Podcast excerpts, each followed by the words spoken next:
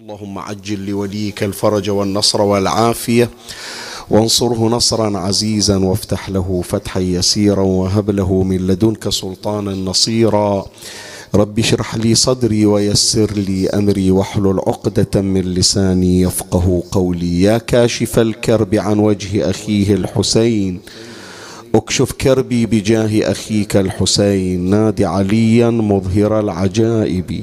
تجده عونا لك في النوائب. كل هم وغم سينجلي بولايتك يا علي. يا علي يا علي يا أمير المؤمنين يا ذا النعم. يا إمام المتقين يا ذا الكرم. إننا جئناك في حاجاتنا لا تخيبنا وقل فيها نعم. إليكم تذل النفس وهي عزيزة وليس تذل النفس إلا لمن تهوى. فلا تحوجوها بالسؤال لغيركم فتسأل من يسوى ومن لم يكن يسوى. يا أبا الفضل يا أبا الفضل دخيلك يا سيدي. أعوذ بالله من الشيطان الرجيم. بسم الله الرحمن الرحيم. وصلى الله على سيدنا ونبينا محمد وآله الطاهرين اللهم صل على ان الله وملائكته يصلون على النبي. يا ايها الذين امنوا صلوا عليه وسلموا تسليما.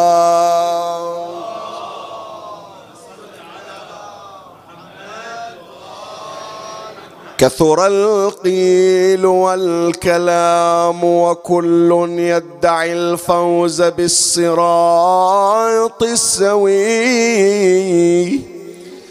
واعتقادي بلا إله سواه ثم حبي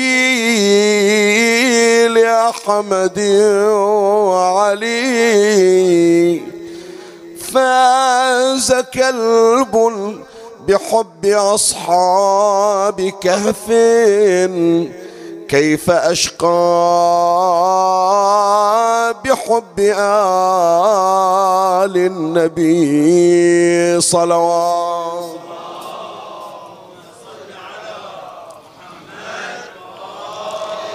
قسما قسما قسما بمكة والحطيم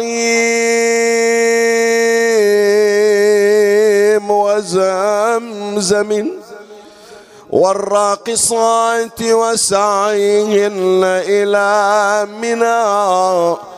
بغض الوصي علامة مكتوبة طبعت على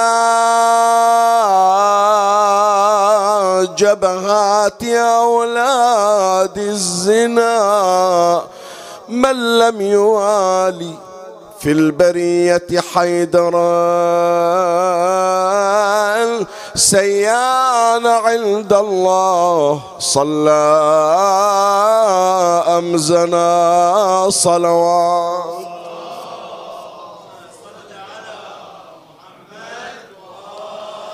لي نفس قدس لسوى الرحمن ما عبدت ولا إلى غير طه بالولا رغبت. فقلت لما بحب المرتضى علقت لا عذب الله أمي إنها شرذت حب الوصي وغذتني في اللبن صلوات.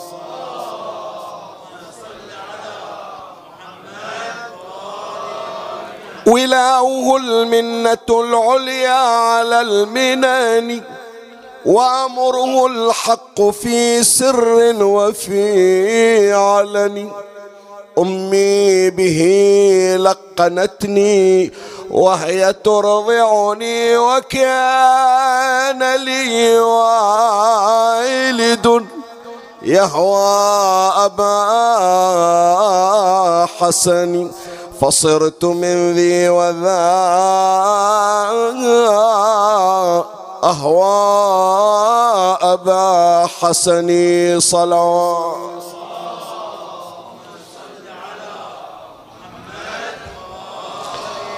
فهذا علي فوق كرسي مجده.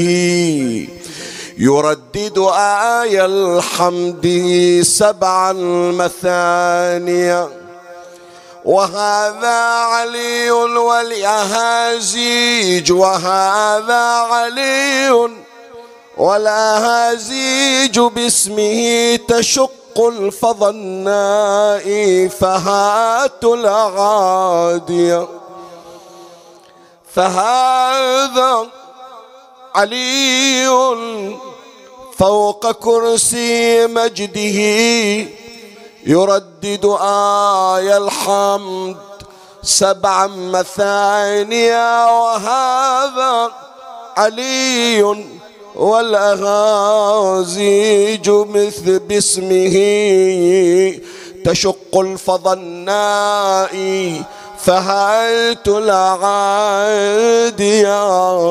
إذا الملأ الأعلى تحدر بالثناء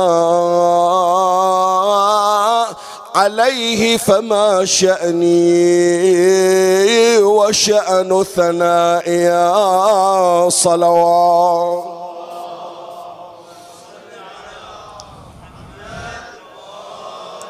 يا صاحب القبة البيضاء في النجف يا علي. يا صاحب القبة اللوراء في النجف من زار قبرك واستشفى لديك شفي. زوروا أبا حسن الهادي لعلكم تحظون منه تحظون بالأجر والإقبال. والزلف.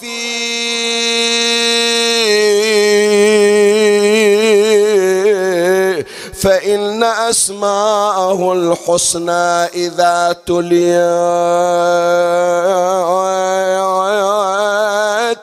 على المريض شفي من سقمه الدن في صلوات.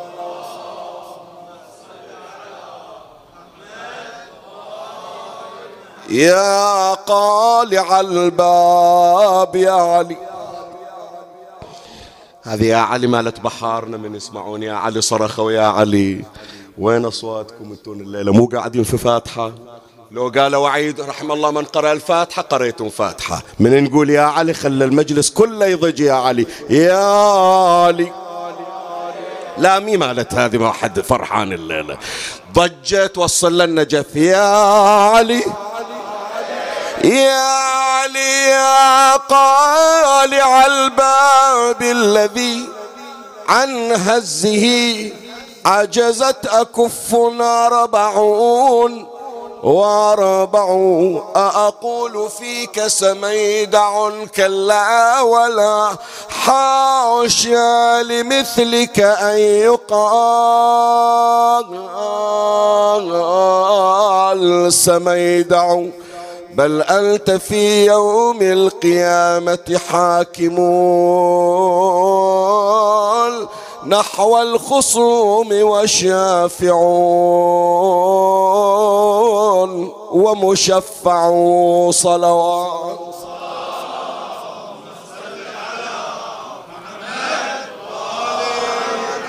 هذه خاصة الأبيات للعشاق ومو أي عشق الكل يعشق علي. لكن اللي يعيش من فرط العشق حرقة في القلب لرؤية قبة علي اي هذه لها نواس خاصين.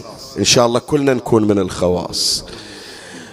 إيه لروحي الولغى قبيل الموت أمنية أن أنظر النجف الأعلى وواديها. لروحي الولغى لروحي الولغى قبيل الموت أمنية.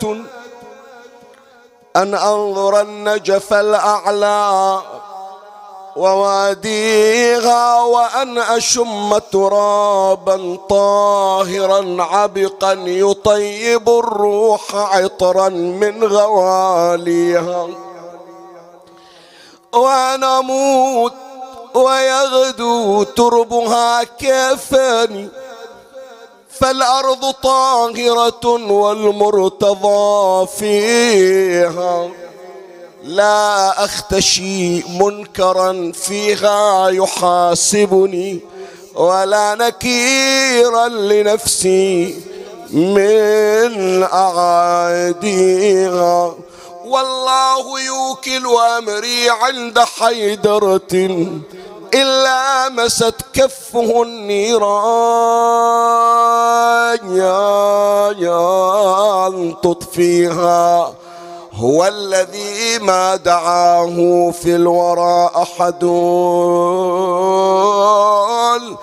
إلا أتاه وللشدات يكفيها صلوات.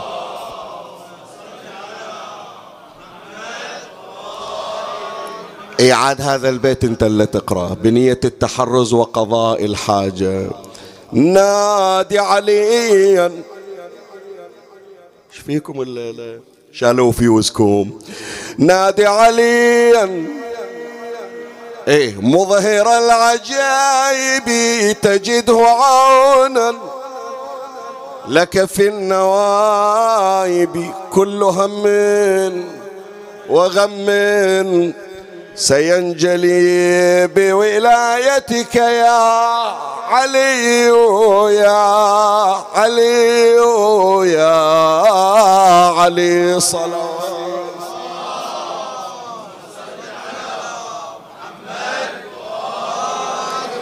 جاء في زيارة أمير المؤمنين علي بن أبي طالب عليه السلام. السلام على أبي الحسن علي بن أبي طالب ورحمة الله وبركاته. السلام على خالص الاخلاء السلام على المخصوص بسيدة النساء. السلام على المولود في الكعبة. المزوج في السماء. السلام على أسد الله في الوغى السلام على من شرفت به مكة ومنى. السلام على صاحب الحوض وحامل اللواء. السلام على خامس أهل العباد السلام على البائت على فراش النبي ومفديه بنفسه من الأعداء السلام على قال باب خيبر والداحي به في الفضاء. السلام على مكلم الفتية في كهفهم بلسان الأنبياء. السلام على منبع القليب في الفلا السلام على قالع الصخرة وقد عجز عنها الرجال الأشداء السلام على مخاطب الذئب ومكلم الجمجمة بالنهروان وقد نخرت العظام بالبلان. السلام على مخاطب الثعبان على منبر الكوفة بلسان الفصحاء.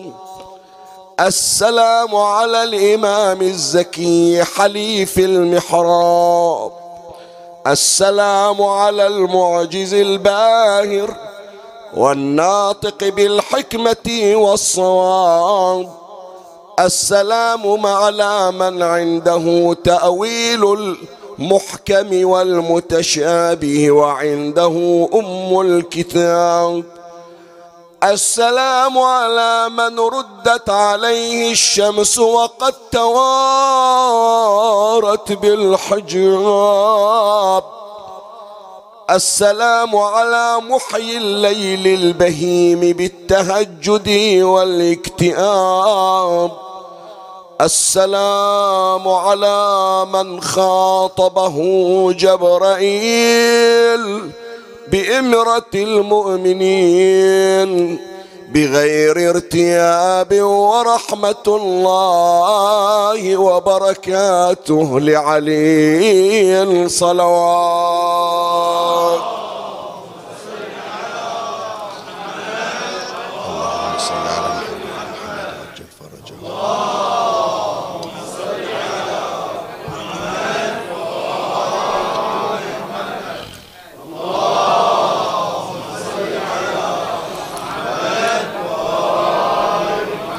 من ضمن الفقرات في هذه الزيارة الشريفة التي أوردها العلامة المجلسي على الله مقامه في كتابه المقدس الموسوم ببحار الأنوار. جاء في هذه الزيارة الشريفة السلام على المولود في الكعبة. إشارة إلى إحدى الخصائص التي خص الله تبارك وتعالى بها أمير المؤمنين عليه السلام دون سواه وهي ولادته في الكعبة الشريفة بأمر إعجازي.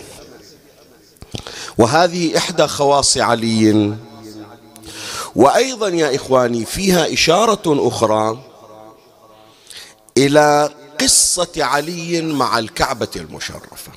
شوف الليلة الكل يشير إلى هذه الميزة وهذه الكرامة وهذه الخاصية أن أمير المؤمنين عليه السلام قد ولد في جوف الكعبة. ولاحظتم يا إخواني رزقنا الله وإياكم إن شاء الله الوصول إلى بيت الله الحرام من نمر عند جدار الكعبة الخلفي تلقائيا النفس تميل وتتذكر ولادة علي عليه السلام حتى أن البعض من المؤمنين لا يملك نفسه دون أن يعرف بهذه الكرامة.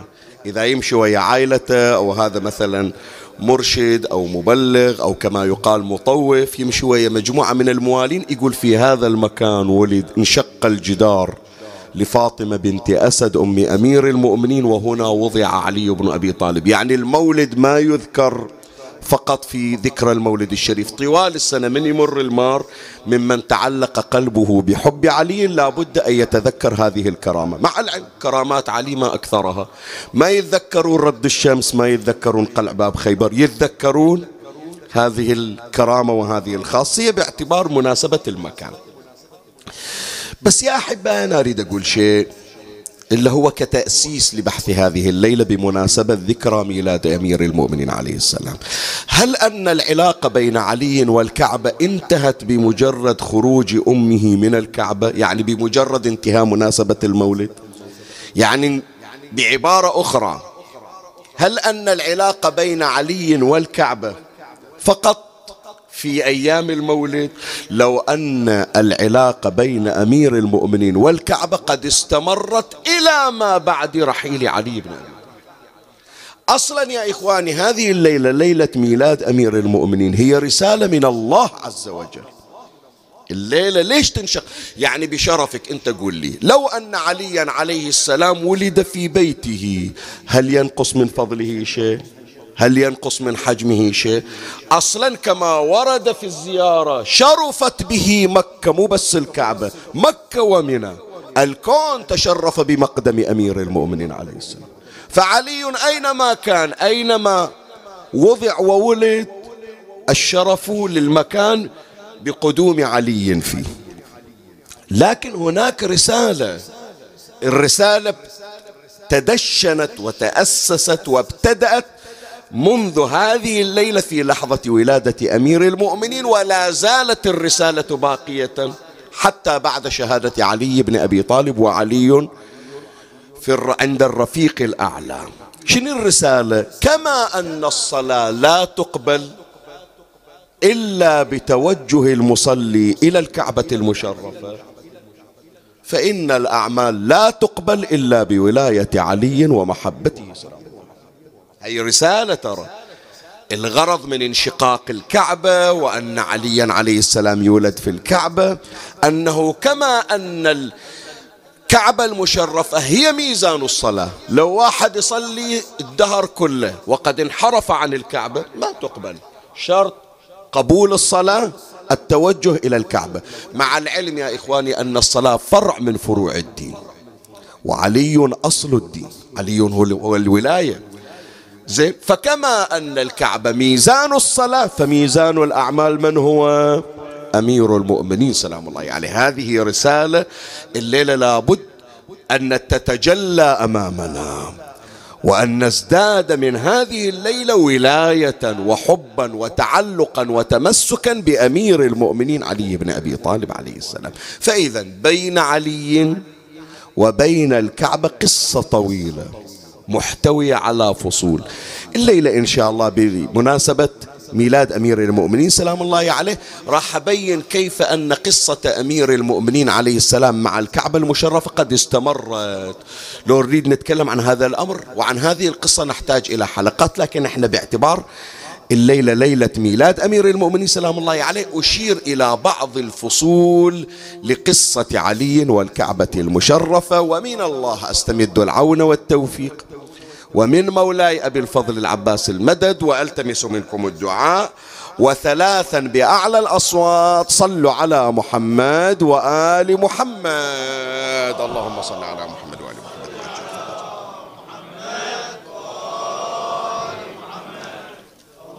اللهم صل على محمد.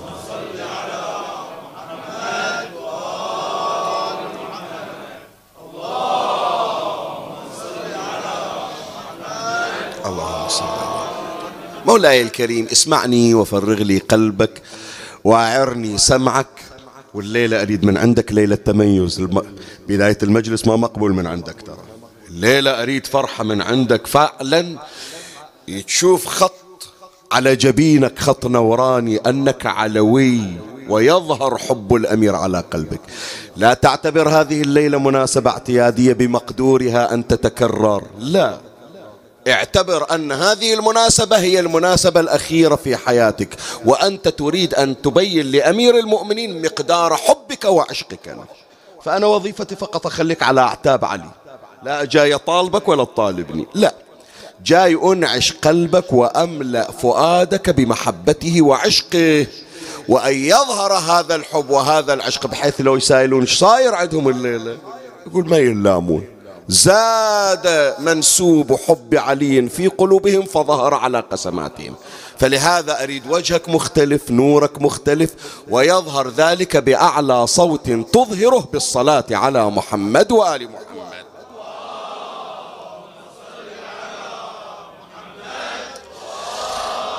أما الفصل الأول من فصول قصة علي بن أبي طالب عليه السلام مع الكعبة قصة ولادته في الكعبة المشرفة. الليل طبعا تجيكم المسجات تجيكم التهنئات. نبارك لكم ميلاد وليد الكعبة.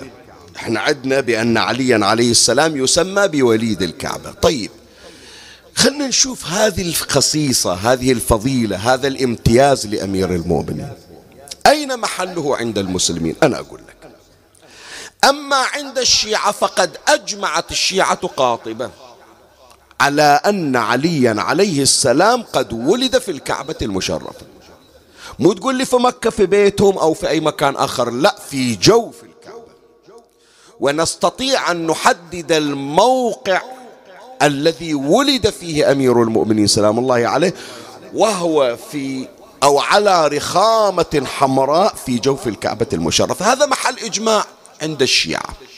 زين عند السنة. عند السنة مجموعة من العلماء مجموعة من علماء السنة حينما يشيرون إلى سيرة أمير المؤمنين عليه السلام وإلى ترجمته أيضا يتفقون مع الشيعة في أن ولادة علي بن أبي طالب عليه السلام كانت في الكعبة. مثلا من هؤلاء المسعودي أحد المؤرخين المشهورين في كتاب مروج الذهب وفي كتاب آخر له اسمه إثبات الوصية. أيضا يقول بأن عليا عليه السلام ولد في الكعبة. محمد ابن طلحة الشافعي في كتاب مطالب السؤول أيضا يشير إلى أن أمير المؤمنين عليه السلام ولد في الكعبة. الشبلنجي واحد من علماء مصر في كتاب نور الأبصار يشير إلى أن أمير المؤمنين عليه السلام ولد في الكعبة الحاكم النيسابوري في كتاب المستدرك على الصحيحين يشير إلى أن أمير المؤمنين عليه السلام ولد في الكعبة فمجموعة مو قليلة من علماء السنة يتبنون الرأي الشيعي أن عليا عليه السلام ولد في الكعبة لكن وواويلاه من كلمة لكن أو من فعل لكن أو حرف لكن. أكو آخرين ما يقبلون هذا الامتياز لعلي بن أبي طالب. ليش؟ لأن إلا الله تبارك وتعالى يمن عليه بهذه الخصيصة فكأنما أنت فضلته عمن سواه. وصار إلا الله اختار ولادته أن تكون في الكعبة. يعني كل الاعتبارات الأخرى ومنها الخلافة تكون من حقه. لأن ما دام الله اختار الولادة إلى علي في أشرف مكان فكيف ينحي عنه منصب الخلافة. بقية المناصب من حقه باعتبار الأولوية التي ثبتت بولادته في الكعبة. فحاول الكثيرون تزوير هذه الحقيقة. مرة حط بالك أقول لك هالعبارة مرة واحد أنت تنقل له شيء ينكره. شلون؟ أنت تقول مثلا الله ميز الحسين أن جعل الشفاء في تربته. تقول لا لا لا هذا وهم. هذا مو صحيح. تربة قبر الحسين حالها حال أي تراب آخر ينكر القضية. تمام لولا؟ بس لما واحد يقول لك إيه أكو تراب فيه شفاء لكن مو في قبر الحسين في قبر عمر ابن سعد. هذا شو تسميه؟ هذا ما تقول واحد جاي أنكر الحقيقة لاشتباه لا تقول هذا واحد حاقد.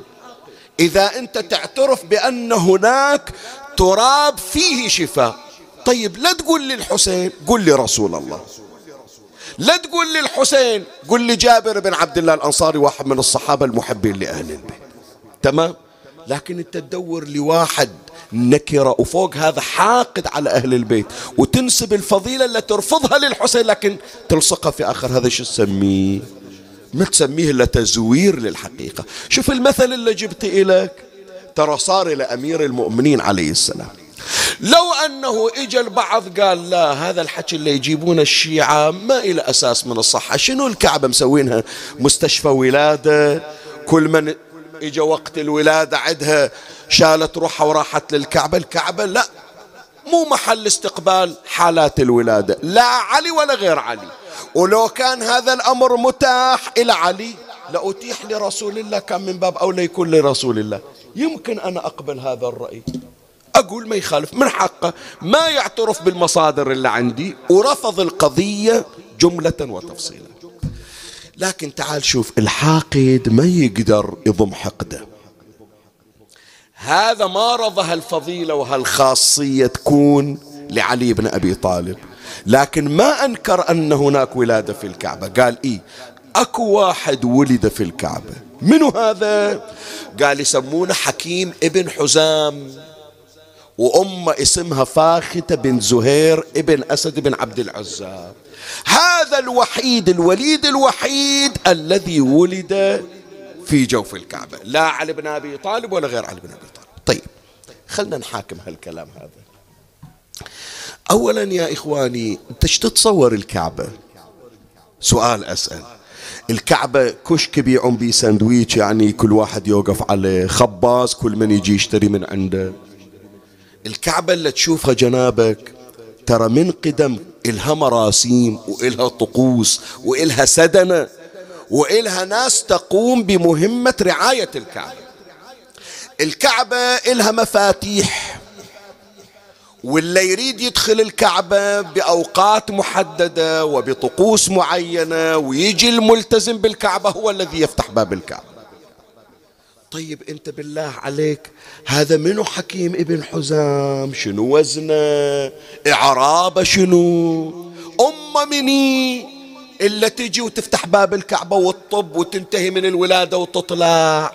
طيب إضافة إلى ذلك يا إخواني لو أن هذا الأمر ممكن أن يقع إن كان كل واحد من قريش تمنى أن يحوز على هذا الشرف. كان أبو سفيان زوجته هند لما تريد توضع بمعاوية يدفع رشوة إلى أهل الكعبة يا معودين راح أطبب زوجتي حتى تجيب لي ولد مولود في الكعبة. أبو لهب يجيب واحد من أولاده زوجته أم جميل في وقت الولادة يطببها إلى الكعبة وتولد وأدفع لكم فلوس حتى يقولون ابني ولد في الكعبة وتتكرر الحادثة. بس هذا الأمر ليس بمتاح. والكعبة عمي مو مفتوحة أبوابها اللي يطب ويطلع بكيفة مغلقة ولها مفاتيح ولها سدنة. بس ما قبلوا أراد الله فضح مؤامرة التزوير. أراد الله فضح القلوب الحاقدة على علي. ما أنكروا القضية جملة وتفصيلا؟ لا أثبتوا القضية لكن حوروا الشخص. بدل ما يقولون فاطمة بنت أسد ولدت بعلي قالوا واحدة اسمها فاختة بنت زهير ولدت بحكيم ابن حزام وهذا الأمر لا يمكن أن يقبل. ثم لو سلمنا جدلا خلنا نقول فرضا بأنه ولادة علي مو في الكعبة ولا انولد غيره. انت لبالك إحنا نقول بأن فاطمة بنت أسد جاية تمشي على راسلها وشافت باب الكعبة مفتوح وطبت وولدت وتالي شالت ولدها وطلعت. لا عمي علي عليه السلام ولد في الكعبة بإعجاز. ولهذا يا أحبائي مهمتي الليلة. مهمتي ووظيفتي وأنتم تسمعون بأن عليا ولد في الكعبة. شنو المعجزة يا إخواني في ولادة علي في الكعبة؟ سؤال أسأل أريد واحد يرد علي. المعجزة وين صارت في ولادة علي في الكعبة؟ خلي أحسب وياك كم معجزة موجودة في السنة هذا حتى هم ننعش ذاكرتنا وهم نعلم أولادنا. أولا فاطمة بنت أسد لم تدخل من الباب. وإنما دخلت من وين؟ من الجدار. انشق جدار الكعبة وأدخلت بالرغم منها مو باختيارها دفعها جبرائيل إلى الداخل. وهذه المعجزة في حد ذاتها في حد ذاتها معجزة. شلون؟ تحتوي على معاجز. الانشقاق أولا احسب كم معجزة؟ هي أربع معاجز في معجزة واحدة. انشقاق جدار الكعبة.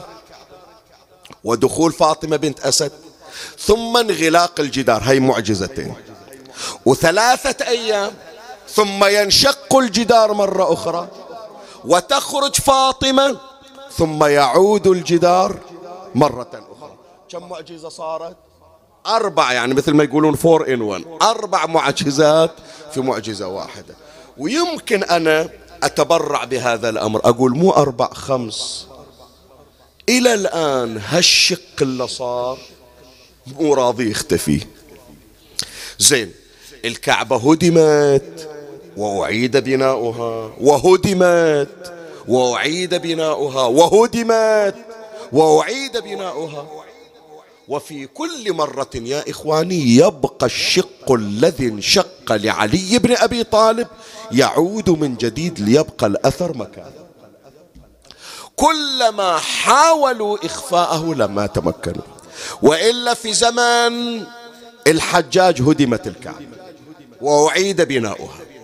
وفي زمن القرامطة مو بس تصدع لا لا لا كسروا الكعبة حجر حجر. وردوا بنوا من جديد. وإذا الشق يعود من جديد في نفس الموضع الذي انشق لكرامة انشق كرامة لعلي بن أبي طالب.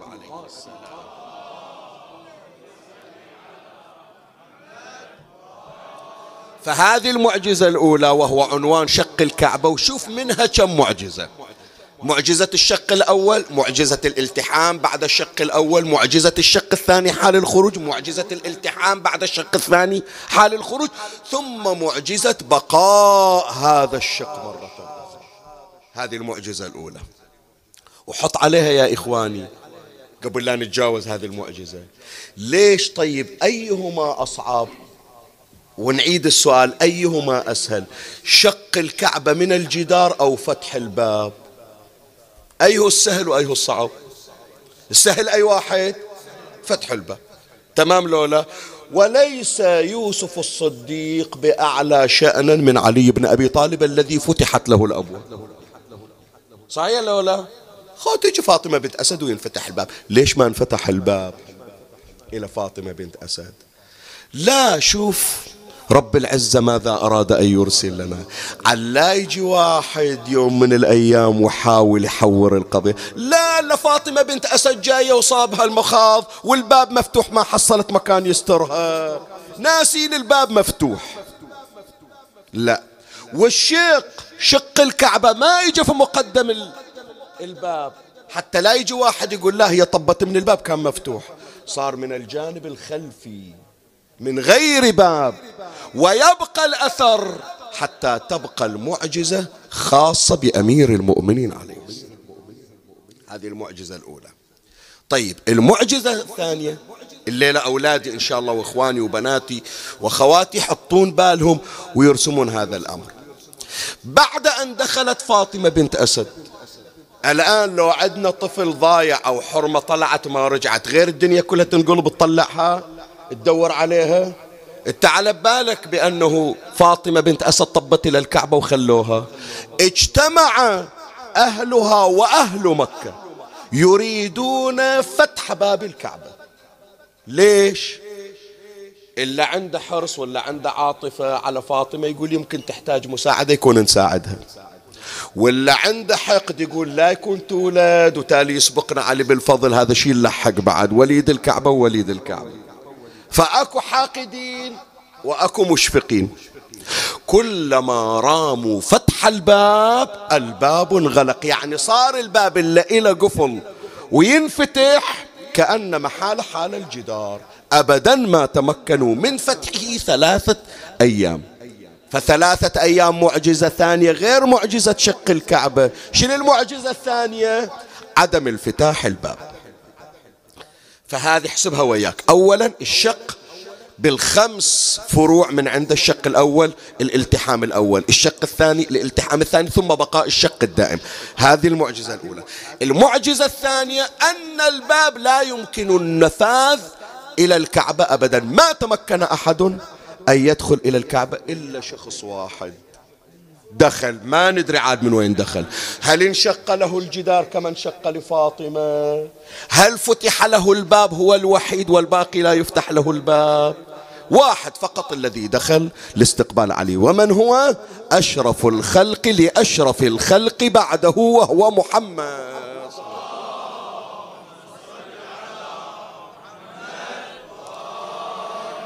الآن صار عندنا معجزتين. المعجزة الثالثة. طبعا معاجز كثيرة بس إحنا نختار أهم المعاجز.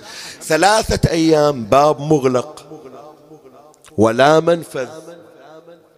والمرأة يا إخواني بعد الولادة بحاجة إلى تغذية بحاجة إلى طعام يكون مقوي بعد حالة الضعف اللي في الولادة. ثلاثة أيام من أين كانت تأكل فاطمة بنت أسد؟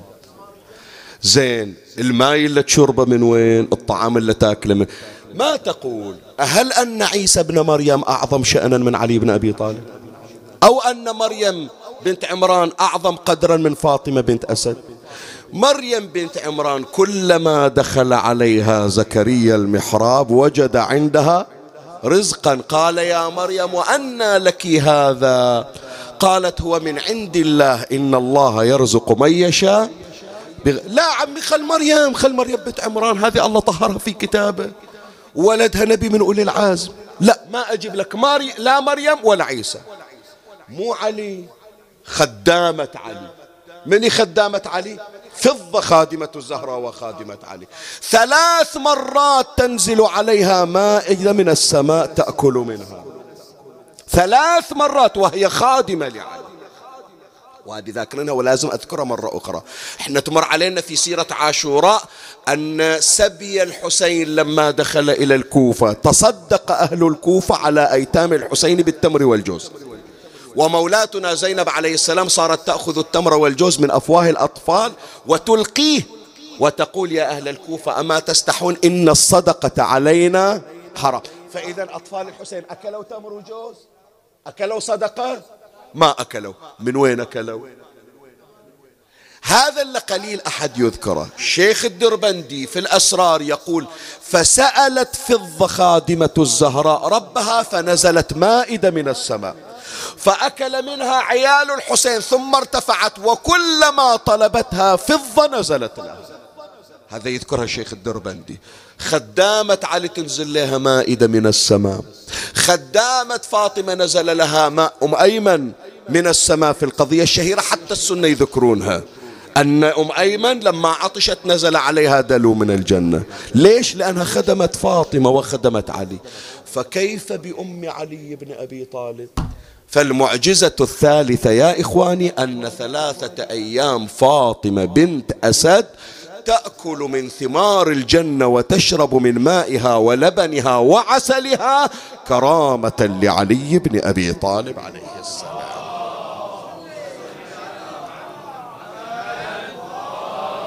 فهذا الفصل الأول من قصة علي وعلاقته بالكعبة نجي للفصل الثاني. زين ولد علي في الكعبة وطلعت أمه من الكعبة. هل انقطعت العلاقة بين علي والكعبة؟ لا. الليلة مثل ما تسجلون أن الوليد الوحيد في الكعبة هو علي بن أبي طالب وتحفرونها في أذهانكم وفي قلوبكم وتعلمونها إلى أولادكم. فلا بد يا إخواني أن هالمعلومة يكون تنتقش في القلب. من أول من صلى من المسلمين عند الكعبة المشرفة؟ رسول الله صلى الله عليه وآله هو نبي الإسلام ونبي الصلاة. طيب أيوة أول من آمن برسول الله وأول من صلى عند الكعبة من المسلمين. منو؟ صاحب هذه الليلة علي بن أبي طالب. أول من صلى مع رسول الله وأول المسلمين ممن صلى عند الكعبة. أول ما شرعت الصلاة. أذكر لك الرواية اللي يذكرها العلامة المجلسي على الله مقامه. عن عمران بن حسين قال كان والله إسلام جعفر جعفر الطيار يعني بأمر أبيه وذلك أنه مر أبو طالب ومعه ابنه جعفر برسول الله صلى الله عليه وآله وعلي عن يمينه. فقال أبو طالب لجعفر صل جناح ابن عمك. فجاء جعفر فصلى مع النبي صلى الله عليه وآله فلما قضى صلاته قال له النبي صلى الله عليه وآله يا جعفر وصلت جناح ابن عمك إن الله يعوضك. من ذلك جناحين تطير بهما مع الملائكة. ليش؟ الله عوض جعفر لما قطعت جعفر الطيار لما قتل في معركة مؤتة في الأردن قطعت يمينه قطعت شماله فعوضه الله عن اليدين القطيعتين بجناحين أخضرين. هالتعويض ليش؟ مو لقطع اليد. لأن النبي من إجي يصلي ما عنده أحد. جناحا النبي فارغين. فإجا الجناح الأول وهو علي بن أبي طالب. وإجا الجناح الثاني وهو جعفر الطيار. فهذان الاثنان أول مسلمين صليا خلف رسول الله عند الكعبة. قبل لا أي أحد أي أحد لا صحابة ولا غير صحابة. فلهذا أمير المؤمنين عليه السلام يذكر هالموقف من ضمن الفضائل. من يريد يفتخر أمير المؤمنين يقول محمد النبي أخي وصهري وحمزة سيد الشهداء منه عمي وجعفر الذي يضحي ويمسي يطير مع الملائكة ابن أمي ابن أمي. وسيدة النساء سكني وعرسي مشوب لحمها بدمي ولحمي وسبط أحمد ولداي منها فمن منكم له سهم كسهمي؟ سبقتكم إلى الإسلام طرا صغيرا مقرا بالنبي في بطن أمي. وصليت الصلاة وكنت طفلا صغيرا ما بلغت أوان حلمي. بعضهم ما رضى نفس ما رضى ولادة علي في الكعبة. ما يرضى أن علي أول من صلى عند الكعبة. قالوا إيه أول من صلى؟ من الأطفال. عمي من الأطفال من الشيبة. هو أول من صلى من المسلمين ونقطة آخر فإذا الفصل الثاني من فصول علاقة علي عليه السلام بالكعبة المشرفة أنه أول من صلى من المسلمين عند الكعبة خلف نبينا محمد. صلى الله عليه وآله.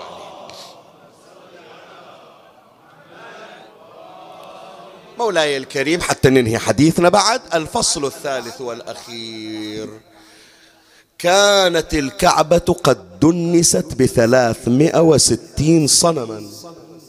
من الذي طهر الكعبة من دنس الأصنام؟ علي بن أبي طالب. نقرأ الرواية من أجمل الروايات نقرأ الرواية ونختم حديثنا. مولاي الكريم عن جابر طبعا يرويها العلامة المجلسي في الجزء 38 صفحة 76 عن جابر الأنصاري رضي الله عنه قال دخلنا مع النبي مكة وفي البيت وحوله ثلاثمائة وستون صنما. فأمر بها رسول الله. شوي خلي مدام مرينا خلي أوقف شوي. طلع واحد مرة من المرات. شوف الحقد لما نجي حط بالك. حط بالك. ليش أقول لك حط بالك؟ لأنه إذا البعيد البعيد. الله ابتلاك بهالمرض اشتغل على روحك بالتطهير. الله لا يجيب إن شاء الله إلك سواد الحقد والكراهية والحسد على الآخرين. وإذا يوم شفت قلبك الشيطان فتح ثغرة في قلبك تحقد على شخص بسرعة سد هي الثغرة وطهر مكانها. ليش؟ لأن الحقد إذا تفاقم وازداد يقود إلى الكفر والعياذ بالله.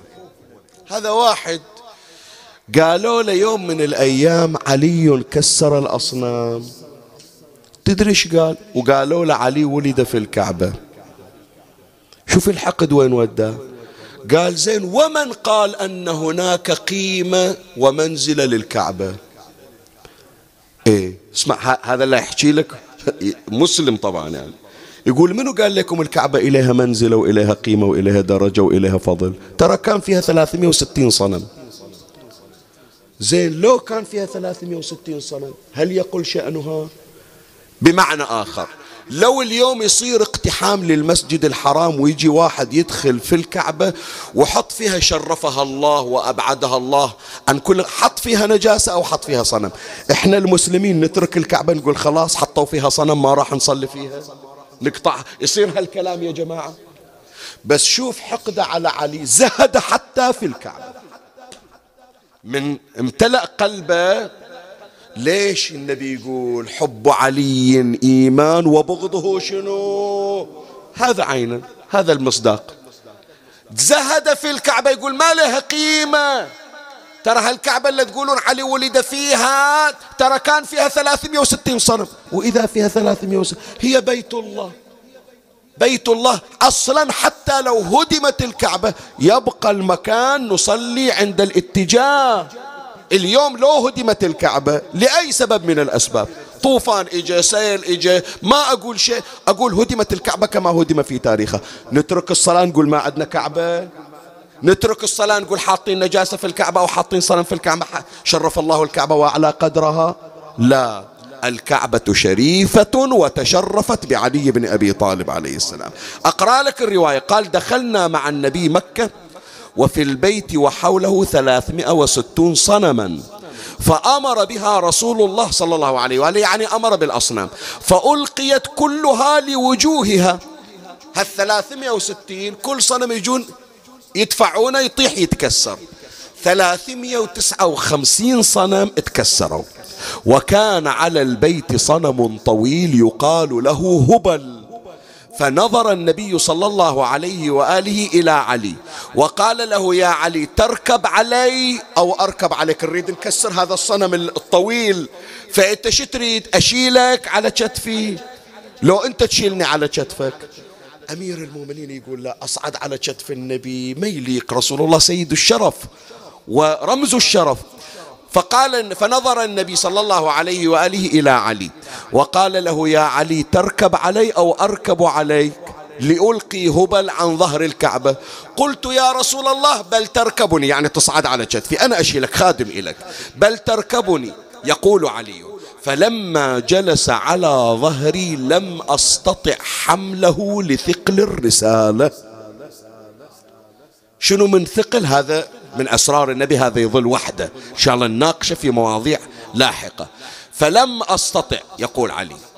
لم أستطع حمله لثقل الرسالة. قلت يا رسول الله بل أركبك ترى ما أقدر أشيلك بس أنا اصعد عليك. بل أركبك فضحك ونزل وطأطأ لي ظهره واستويت عليه. الآن هي تحتاج من عندك صلوات بي على الأصوات من أكملها. واستويت عليه فوالذي فلق الحبة وبرأ النسمة. لو أردت أن أمسك لو أردت أن أمسك السماء لمسكتها بيدي فألقيت هبل عن ظهر الكعبة.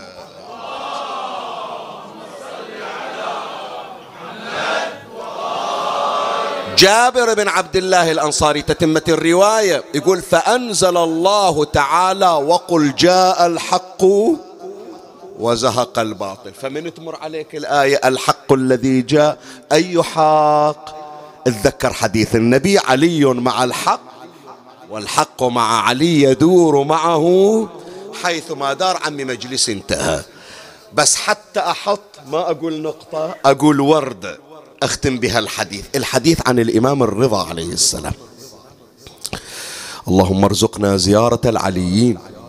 زيارة علي بن أبي طالب زيارة علي بن موسى الرضا زيارة علي الهادي زيارة علي زين العابدين زيارة علي الأكبر عند زيارة الحسين عليه السلام. يا الله. الحديث عن الإمام الرضا عليه السلام عن, عن أبيه عن جده في قوله تعالى ورفعناه مكانا عليا. اذكر هالآية الإمام الرضا يقول في قوله ورفعناه مكانا عليا قالت نزلت في صعود علي على ظهر النبي محمد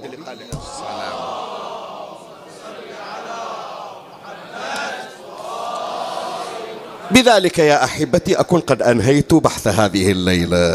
اعادنا الله وإياكم على أمثالها. بس قبل لا أقرأ لك المولد من باب يعني رد الفضل إلى أصحابه وهم أهل البيت عليهم السلام. اللي حضروا ويانا ولا استمعونا في مولد الإمام الجواد عليه السلام قبل ثلاث ليالي مضت. يتذكرون الجماعة وأنا قلت لهم قلت لهم تطلبون مرادكم من الإمام الجواد عليه السلام وأنتظر تبشروني. قلت لهم أنا أقرأ المجلس وتطلبون مرادكم تتذكرون من قرينا المولد رافعين أياديكم؟ قلت لهم وأنتظر تبشروني أنا في الانتظار. مولاي الكريم أنت هذا ليلة مولد الإمام الجواد عليه السلام. ما أقول لك يوم ثاني الصبح لا الفجر قبل وقت الصلاة. إجاني المسج الصوتي. إلى الآن أحتفظ به من سلطنة عمان الحبيبة. سبحان الله ذيك الليلة ليلة مولد الإمام الجواد عليه السلام طفلة صغيرة بين الموت والحياة. الأطباء طلعوا بعد قالوا ما إلها علاج الظهر خلاص الآن في لحظاتها الأخيرة. وأهلها ينتظرون يتصلون إليهم يقولون لها فارقت الحياة. فهذا اللي رسل المسج يقول لي شيخ ياسين أنا ما أعرفك ولا مرة راسلتك ولا التقيت فيك. بس خبرونا والمجلس وأنا أتابع والبارحة إحنا ضايق خلقنا على هاي الطفلة. فحطينا المجلس نسمع أنت قلت الكلمة يقول أنا ما طلبت حاجة إلي ولا إلى أهلي. بس طلبت إلى هذه الطفلة اسمها رقية بين الموت والحياة. فتقول فيقول رفعت إيدي وطلبت باسم الإمام الجواد عليه السلام. توسلت إلى الله بمقامه. شيخنا اتصلوا إلنا قالوا خلاص تجاوزت مرحلة الخطر وهي في صحة وعافية ببركة باب المراد محمد الجواد عليه السلام.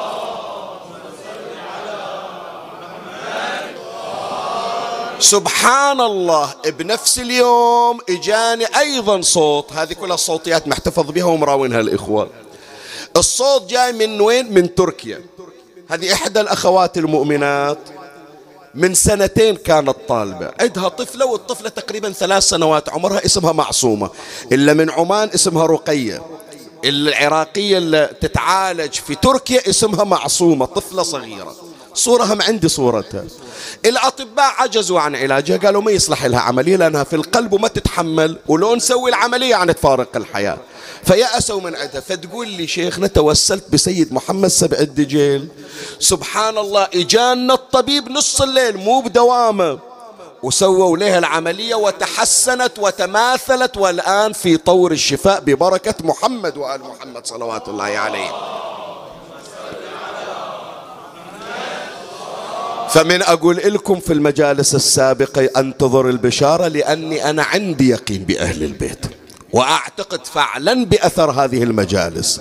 فالليله أيضا هم أقول لكم تتوسلون إلى الله بأمير المؤمنين وأنتظر البشارة من عندكم.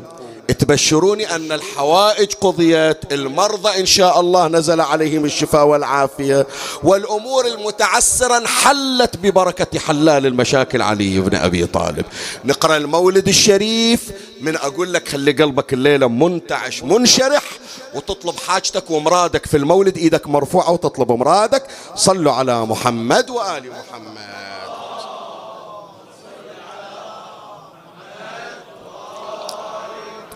اللهم صل على محمد وآل محمد. اللهم صل على محمد وآل محمد. بعد ما حشمكم هذا علي الليلة. صوتك بأعلى الأصوات.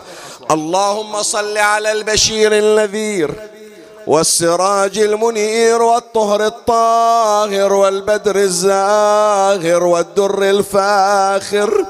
والعلم الباهر والمصطفى الأمجد والرسول المسدد والنبي الممجد من سمي في السماء بأحمد وفي الأرض بأبي القاسم. عفي عليكم.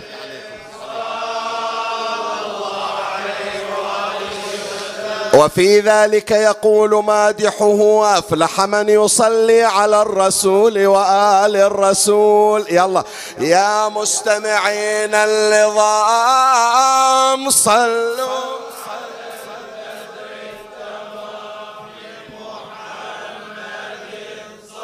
اللهم صل على محمد. أنت العلي الذي فوق العلل ارتفعا بأرض مكة وسط البيت قد وضعا. أكرم بلبوة غاب أنجبت سبعين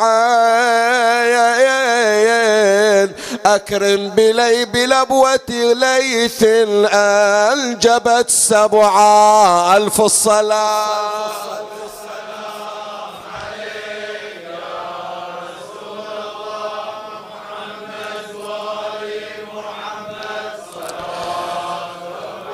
اللهم صل على محمد وآل محمد قالت سيدتنا فاطمة بنت أسد عليها السلام لما حملت بولدي علي بن أبي طالب وتتابعت الشهور ومضت الأيام ما مررت بحجر ولا مدر إلا وسمعت هاتفا يناديني هنيئا لك يا فاطمة بهذا المولود المبارك الطاهر.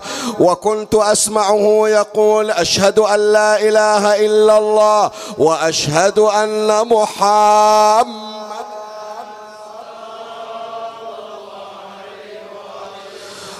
وكنت أسمعه يناديني وهو في بطني بمحمد ختمت النبوة وبي تختم الوصال وصية وفي ذلك يقول أفلح من يصلي على الرسول وآل الرسول يا مستمعين النظام صلوا على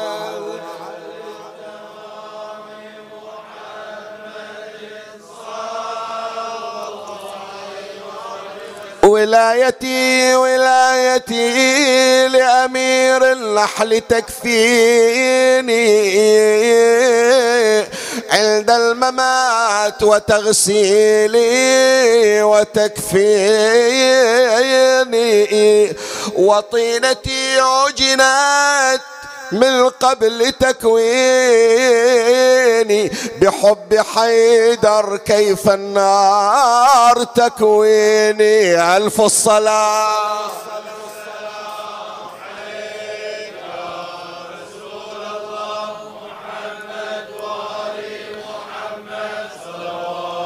اللهم صل على محمد وآل محمد قالت حتى إذا جاءت ليلة المولد الشريف أصابني ما يصيب النساء من أمر الولادة فجاءها أبو طالب عليها السلام وقرأ عليها أسماء من كتاب النجاة فسكن ما فيها ثم قال لها يا فاطمة ألا آتيك ببعض نساء بني عمك ليعينك ليعيننك على هذا الأمر؟ قالت الأمر إلى إليك. قالت فاطمة بنت أسد فبينما أبو طالب يكلمني وإذا بي أسمع صوتا من خارج الدار يا أبا طالب إن عليا طاهرا مطهرا لا تمده إليه لا تمد إليه يد إلا طاهرة مطهرة. وفي ذلك يقول أفلح من يصلي على الرسول وآل الرسول؟ يا مستمعين النظام صلوا على على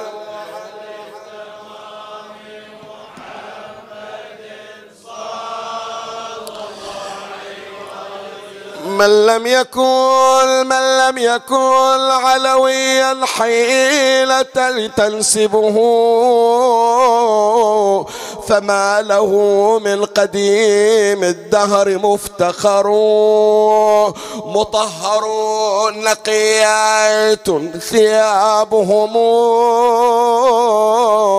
تجري الصلاة عليهم أينما ذكروا ألف الصلاة. يلا وصلنا. ارفع صوتك. إيه؟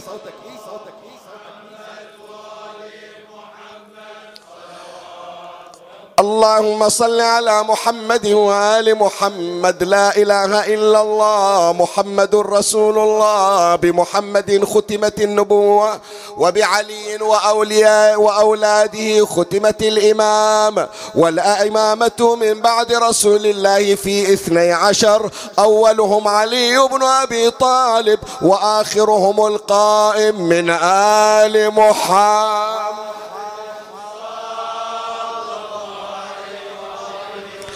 قالت سيدتنا فاطمة فسمعت هاتفا ينادي يا فاطمة عليك بالمسجد الحرام. قالت فخرجت من داري وأتيت إلى بيت الله وطفت بالبيت سبعة أشواط ثم أنها وقفت عند جدار الكعبة وقالت اللهم إني آمنت بكتبك وبأنبيائك ورسلك وبجميع ملائكتك وآمنت بنبيك محمد. محمد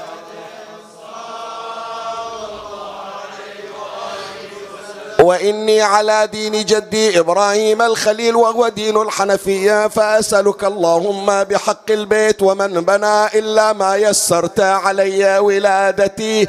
قالت سيدتنا فاطمة بنت أسد فما استتممت كلامي وإذا بهدة قد أصابت البيت وانشق جدار الكعبة. وفي ذلك يقول مادحه أفلح من يصلي على الرسول وآل الرسول. يا مستمعين النظام صلوا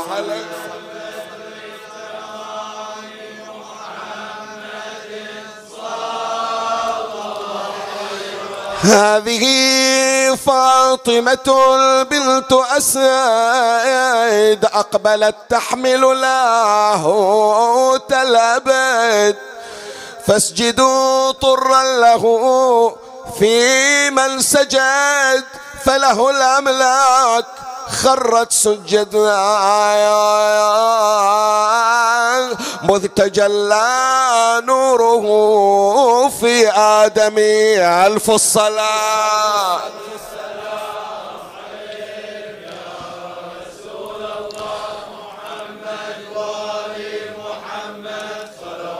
اللهم صل على محمد وآل محمد قالت سيدتنا فاطمة فدخلت إلى جوف الكعبة ثم انغلق جدار الكعبة عليها وجاءت حتى استقرت على الرخامة الحمراء قالت ورأيت ألف علم من نور وألف ستر من من السماء قد جلل الكعبة المشرفة قالت فبينما أنا كذلك إذ دخل علي النبي محمد.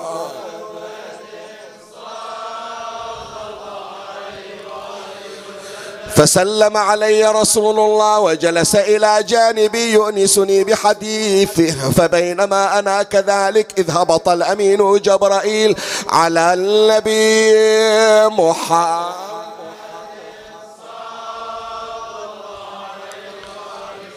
قالت وسمعت صوت جبرائيل يقول يا محمد العلي الأعلى يقرئك السلام ويخصك بالتحية والإكرام ويقول لك إن علي بن أبي طالب طاهر مطهر لا تمسه إلا يد طاهرة مطهرة فإذا نزل علي من بطن أمه تلقاه بيدك يا محمد قالت سيدتنا فاطمة بنت أسد فبينما أنا كذلك إذ وضعت بولدي علي